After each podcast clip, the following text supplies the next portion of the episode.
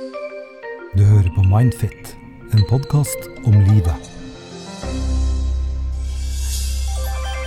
Velkommen til program nummer 99 i Mindfit. Hei sann, Janne. Hei, Nils. Du sitter tre meter unna meg. Det er fordi eh, du er fullvaksinert. eh, Tar enda kjappere snarveier enn det stortingspolitikerne gjør. Eh, Det må jo bety at du er blant de mest eh, viktigste i det norske samfunnet. Det betyr at jeg er helsepersonell, det er jo det det betyr. Og at de har prioritert helsepersonell foran en del andre yrkesgrupper. Og jeg vil også tenke sånn at det er en del andre yrkesgrupper nå som har venta veldig tålmodig lenge. Og folk flest òg, så jeg håper de får litt fart på vaksineringa. Eh, Litt mer om det, men de to spørsmålene vi skal gjennom i dag Det ene handler om eh, helseangst, eh, litt sånn generelt. Kort og fint, konsist spørsmål. Og nummer to handler om det å bryte med en foreldre. Ja. Men eh, jeg er jo enig i at, eh, at helsepersonell bør gå foran. Og ikke minst eh, faktisk Med hånda på hjertet er ikke ironisk engang. Psykologer. Vi ser jo bl.a. hva denne pandemien har gjort for studenter. Du Hvor mørkere de ser på livet nå, dessverre. Glad du tar opp det, fordi en av de tingene jeg har, som har opprørt meg i det siste, var jo Kjøs-utvalget. Og eh, Ja. måten eh, Peder Kjøs, da, som var leder for det utvalget, uttalte seg i etterkant om studenter, at de fleste sikkert bare kjeder seg.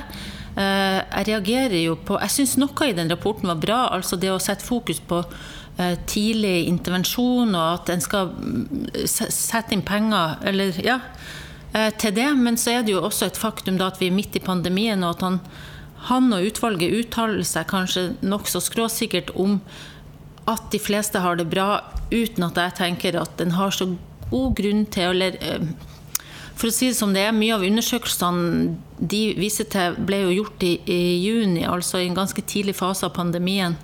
Eh, Det finnes undersøkelser som viser det motsatte. Eh, Det er noe med langtidskonsekvensene av det her, og så er det også det faktum at vi som jobber i spesialisthelsetjenesten, eh, vi har jo hatt veldig økt pågang, så kanskje eh, er det ikke tilfellet heller at disse litt sånn eh, mindre type psykiske plager, at det er der det stopper. Altså, det er også sånn at mange av de som hadde psykiske plager fra før av, kanskje har fått en forverring. Så jeg syns jo en skal være litt, mer, litt mindre skråsikker og nyansert når en uttaler seg om folkehelsa til folk flest, og hvordan dette skal bli på sikt for den psykiske helsa. Eh, men bare de, Du snakket om litt forskjellige undersøkelser. Altså Den i juni, var det Kjøs-utvalget som Ja, altså Kjøs-utvalget, det de baserer seg på uh, i forhold til studenter, da, var jo en undersøkelse blant, som ble gjort i Bergen i juni.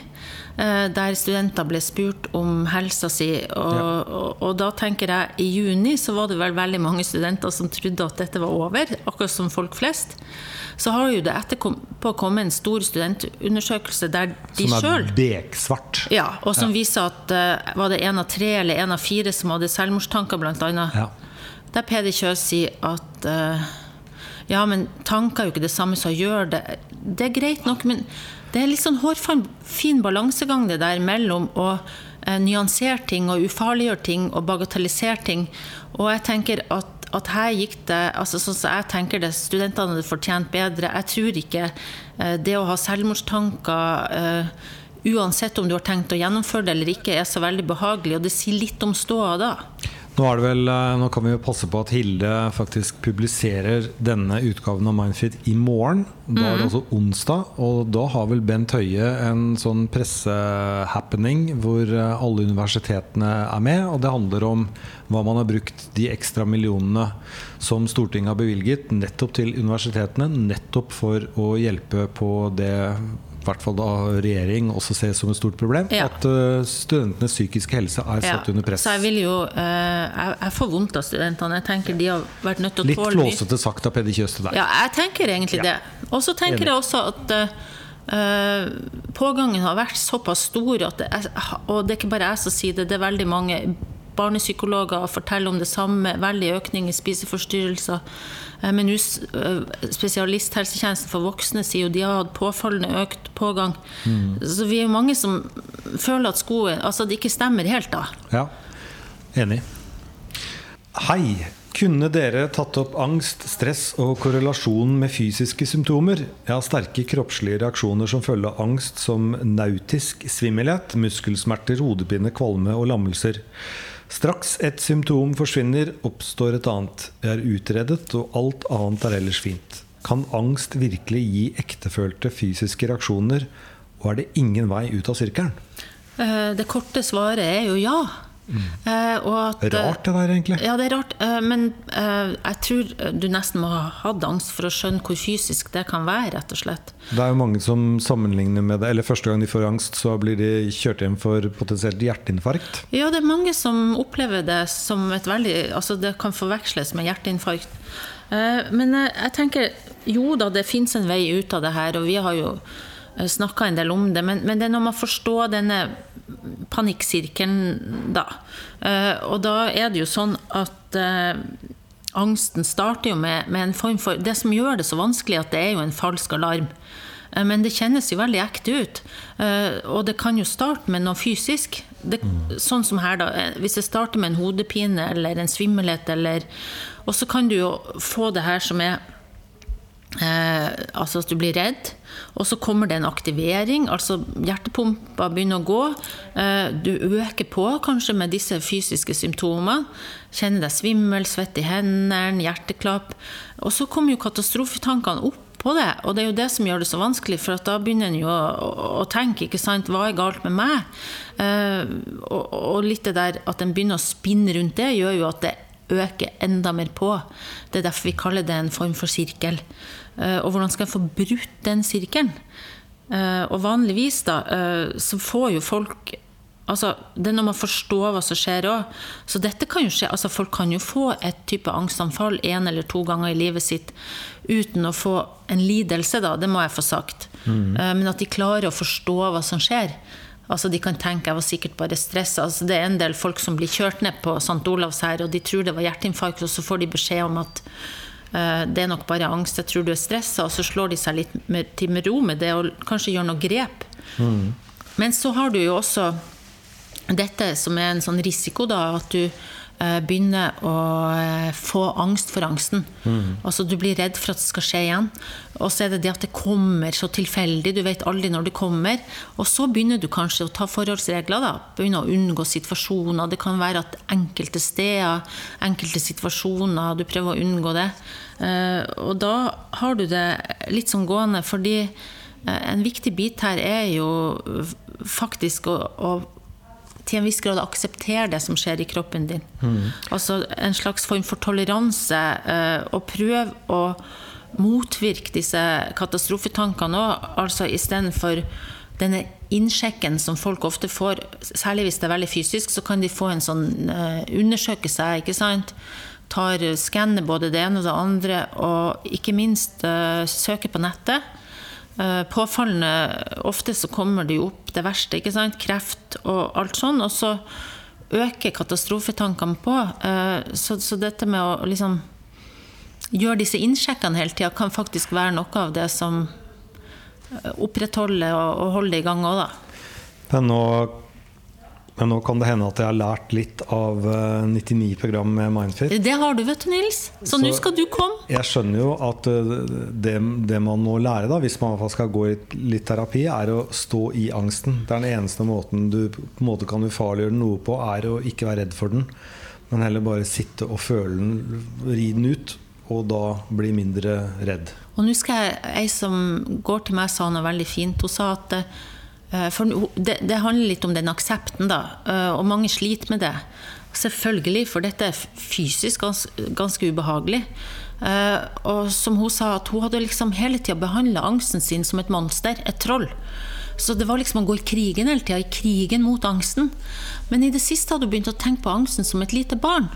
Så angsten altså begynte å trøste angst. Så liksom, det går bra, dette klarer vi. Og det var jo en strategi som virka mye bedre. Jeg syns det var utrolig fint eh, som bilde på, på, på dette med å liksom i større grad akseptere og klare å snakke beroligende til seg sjøl eller til angsten. da. Du kan eh, skrive en bok, og den kan hete 'Fangsten av angsten'. Hva kan hete? Fangsten av angsten. Ja, det var fint. Ja. Du, det, vi, av og til hører vi at du Du har talent for det her, Jeg har talent for det der, ja, du har Men talent. det er én ting jeg lurte litt på som ikke jeg vet hva betyr, og det er nautisk svimmelhet. Ja, jeg vet ikke helt hva det betyr, jeg heller, da. Eh, Men det høres nesten ut som noe marint. Ja, Ja, At det er litt som den type svimmelhet du får når du er ustø. Altså sånn. ja, ja, Ja. Sjøgang, er det det vi kaller det? Ja, at du rett og slett eh, Balansenerven spiller deg et lite puss. Altså, veldig mange får jo Svimmelhet er jo en av de tingene som gjør at, at mange får den strategien at de må holde seg i ting. Ja. Så, de blir veldig, altså, så en av de tingene som altså, Du må jo ofte eksponere deg for det du er aller mest redd for, og noen må eksponere seg for svimmelheten. Så de må rett og slett uh, i, I terapi så kan terapien gå ut på å, å eh, få dem til å bli svimmel, og så få dem til å stå litt i den svimmelheten, sånn at de kjenner at det ikke er farlig, uten å måtte ta seg i bordet og alt mulig. For at eh, altså, de går og leter etter steder der de Ja. kan holde seg fast. Lettere sagt enn gjort. Eh, mye av terapien handler om at du skal forstå at det ikke vil drepe deg, eh, men det kan eh, kjennes ut som det er veldig farlig, og da må man rett og slett bli eksponert for det. Og så, men det var ett sym symptom her som jeg hadde lyst til å si noe om. For at hun skrev også noe om en sånn Eller lammelse. han, eller han. Vi vet ikke Ja, det. det er sant. Eller hun eller han skriver om en lammelse. Mm -hmm. Lammelse er litt Det har jeg lyst til å si noe om. Fordi ofte når en får angst, så blir en sånn hyperaktivert. Altså hjertepumper, adrenalin, eh, muskelspenninger. Hele kroppen går i en slags sånn fight-modus. Eh, Men det en, of, det en kan se, og spesielt jeg som jobber med traumepasienter, det er jo at, at, folk går over i en sånn litt hypoton tilstand. Eh, Hva der- betyr det? det betyr egentlig at, eh, at, at det autonome nervesystemet må kjøles ned, og så får du den eh, switchen til en tilstand der du blir mer sånn nummen eller lamma eller død i kroppen. Wow. Og det er to forskjellige ting uh, som må takles kanskje litt forskjellig. Uh, og jeg, eh, traumepasienter, altså folk som har opplevd mye traumer, de kan ofte skifte veldig mellom de to responsene, og trenger ofte hjelp til hvordan de skal håndtere de to typer bli kjent med litt sånn hvordan det skifter, hva som trigger det, og hvordan de skal håndtere det. Og når du tenker sånn hyperaktivering, altså dette at hjertepumpa At du mobiliserer alt, så vet en jo at, at pust, eh, grounding-teknikker eh, det å få oppmerksomheten utover på ting i rommet, det kan være altså ikke så mye innover på det du kjenner på. Det kan være gode teknikker som en kan øve opp. Men når det gjelder den der hypotone tilstanden, hypo, eh, så eh, er det bevegelse som er mer Mm. Så det kan, være, det kan være skremmende det hvis du kjenner det mer som en sånn lammelse. Uh, og da, eh, sånn som jeg jobber med folk, så får jeg dem til å reise seg opp, gå litt rundt.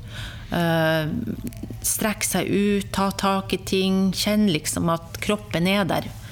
Uh, og, og det å liksom skjønne når du trenger hva, da. Ja, det var hypoton. Det, det, nå lærte jeg noe nytt.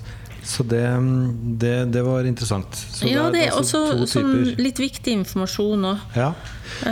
ja, jeg tror ikke det er noe mer vi skal si om det her sånn for min del, hvis ikke du har noe mer, Nils. Nei, det eneste er at det ikke er farlig. Det her går fint, egentlig. Ja, og dette er jo en person som har gått gjennom en del undersøkelser, som betyr kanskje at den erkjennelsen av at det ikke er noe, uh, har kommet litt etter hvert. Uh, og da vil jeg tenke eh, igjen tilbake til kanskje det aller viktigste. Hvis det her har gått over i helseangst, noe vi ikke vet, men det er ikke så rart hvis det gjør det, altså går over i en sånn redsel for kreft eller hjerte eller hva det nå er, Mm. så er det disse innsjekkene inni kroppen hele tida som Altså det å få fokuset utover og jobbe med hvor du skal ha oppmerksomheten din, er ganske viktig. Og ikke minst eh, så ser jeg at folk eh, blir bedre av å ikke fly til legen hele tida. Altså prøve å holde den litt.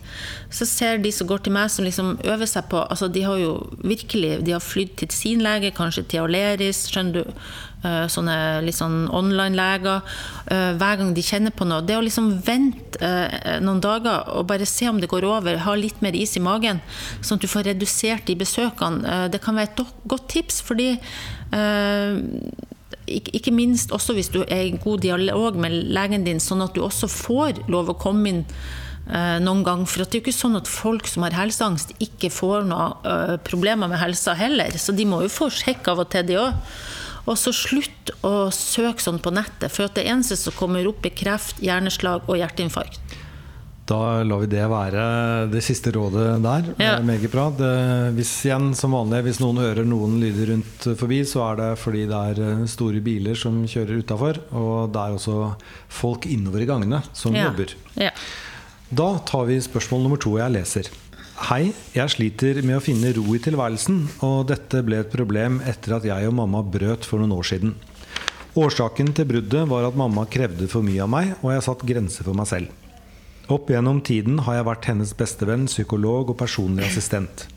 Til slutt greide jeg ikke mer. Jeg ble selv syk, og det var gjennom behandling at jeg forsto at forholdet til mamma ble en belastning for meg.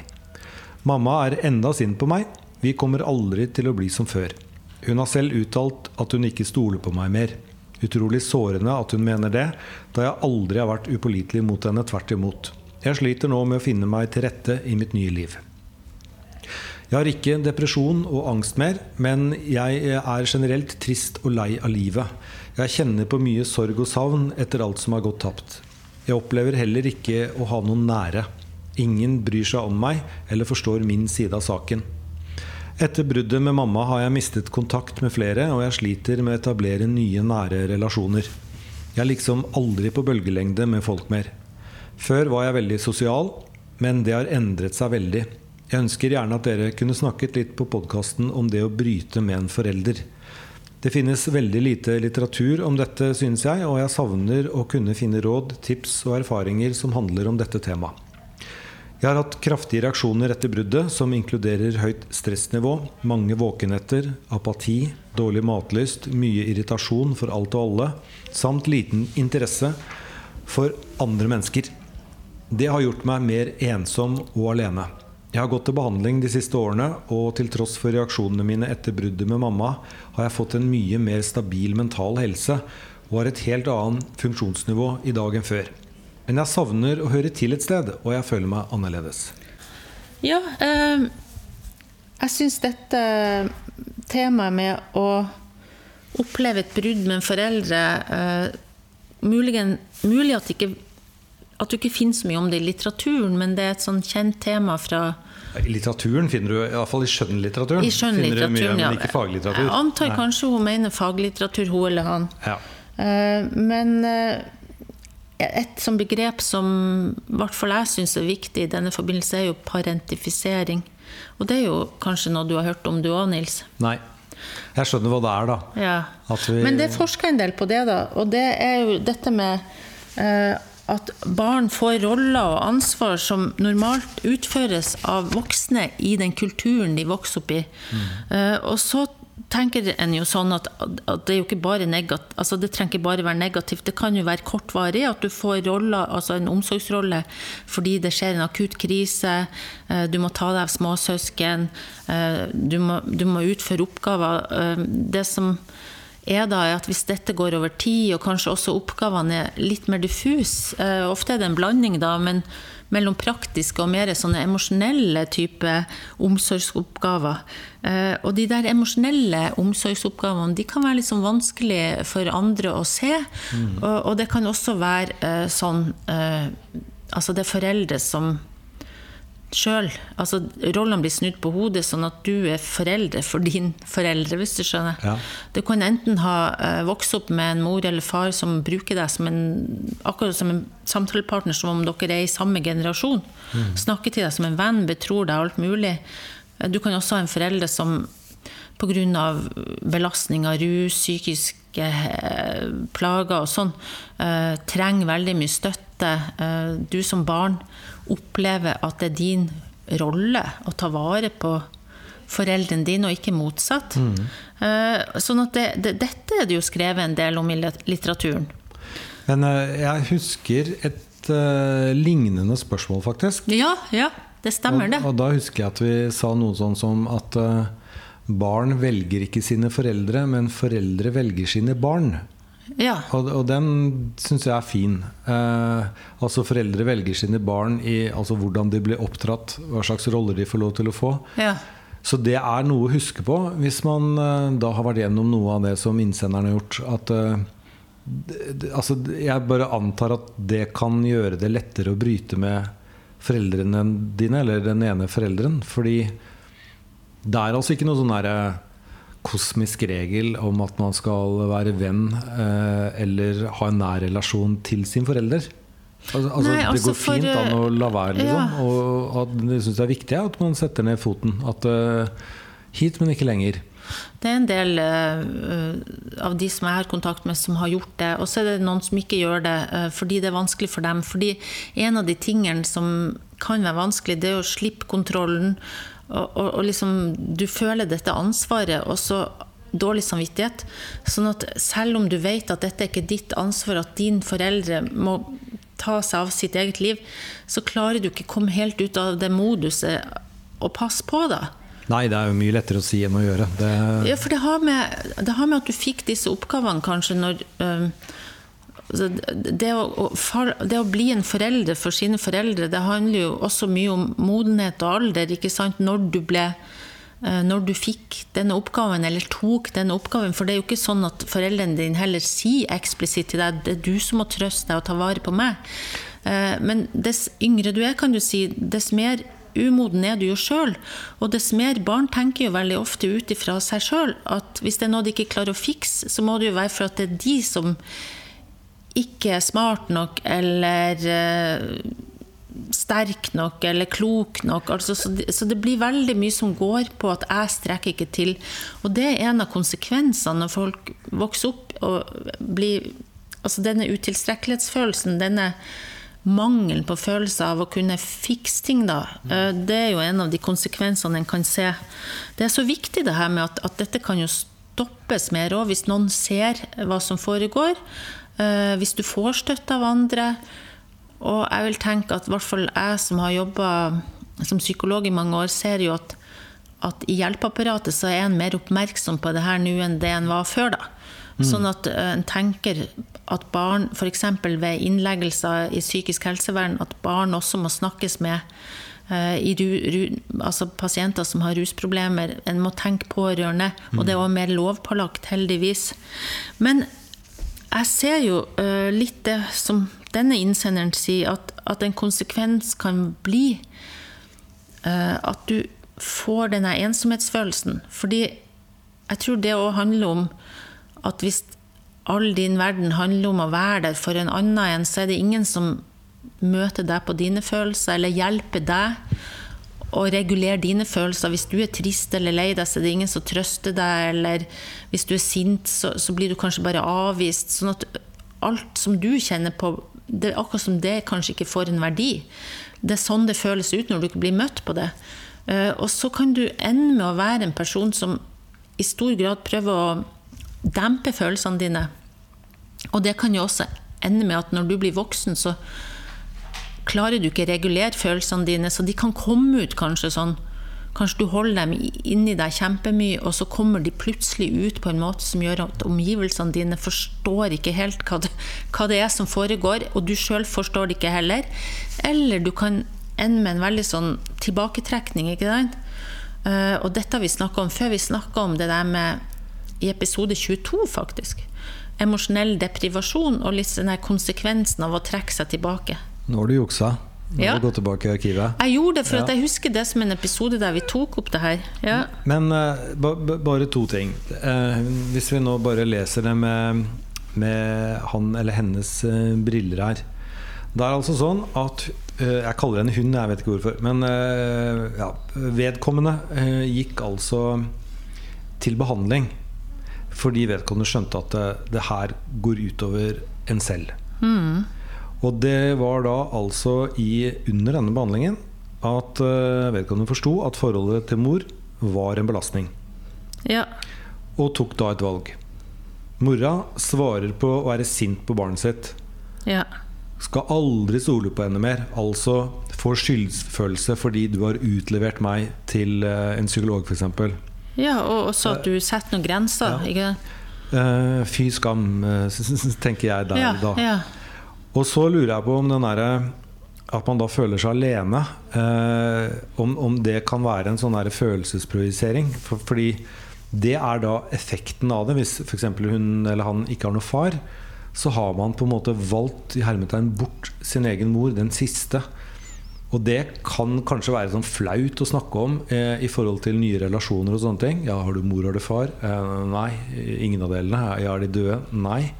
Og da må du liksom forklare ting, da. Ja, det er et godt poeng. Men jeg mener at dette her starter med det hun eller han har gjort.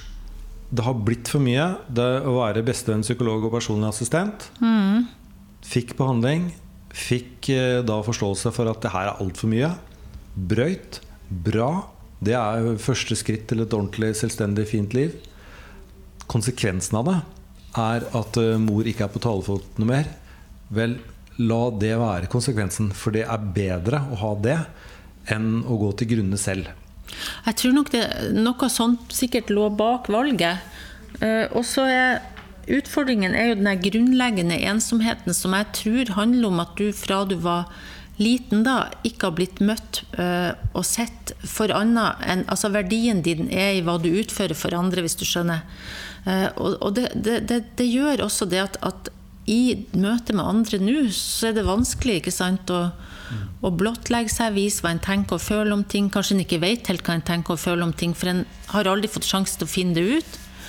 Og så er det også eh, krevende da å eh, tørre å gjøre det, men det kan, også, så det kan være litt sånn lett å, å tenke også at den blir avvist, eh, kanskje uten at den blir det òg. En kan bli veldig sånn sensitiv eh, for det en tenker som er avvisning.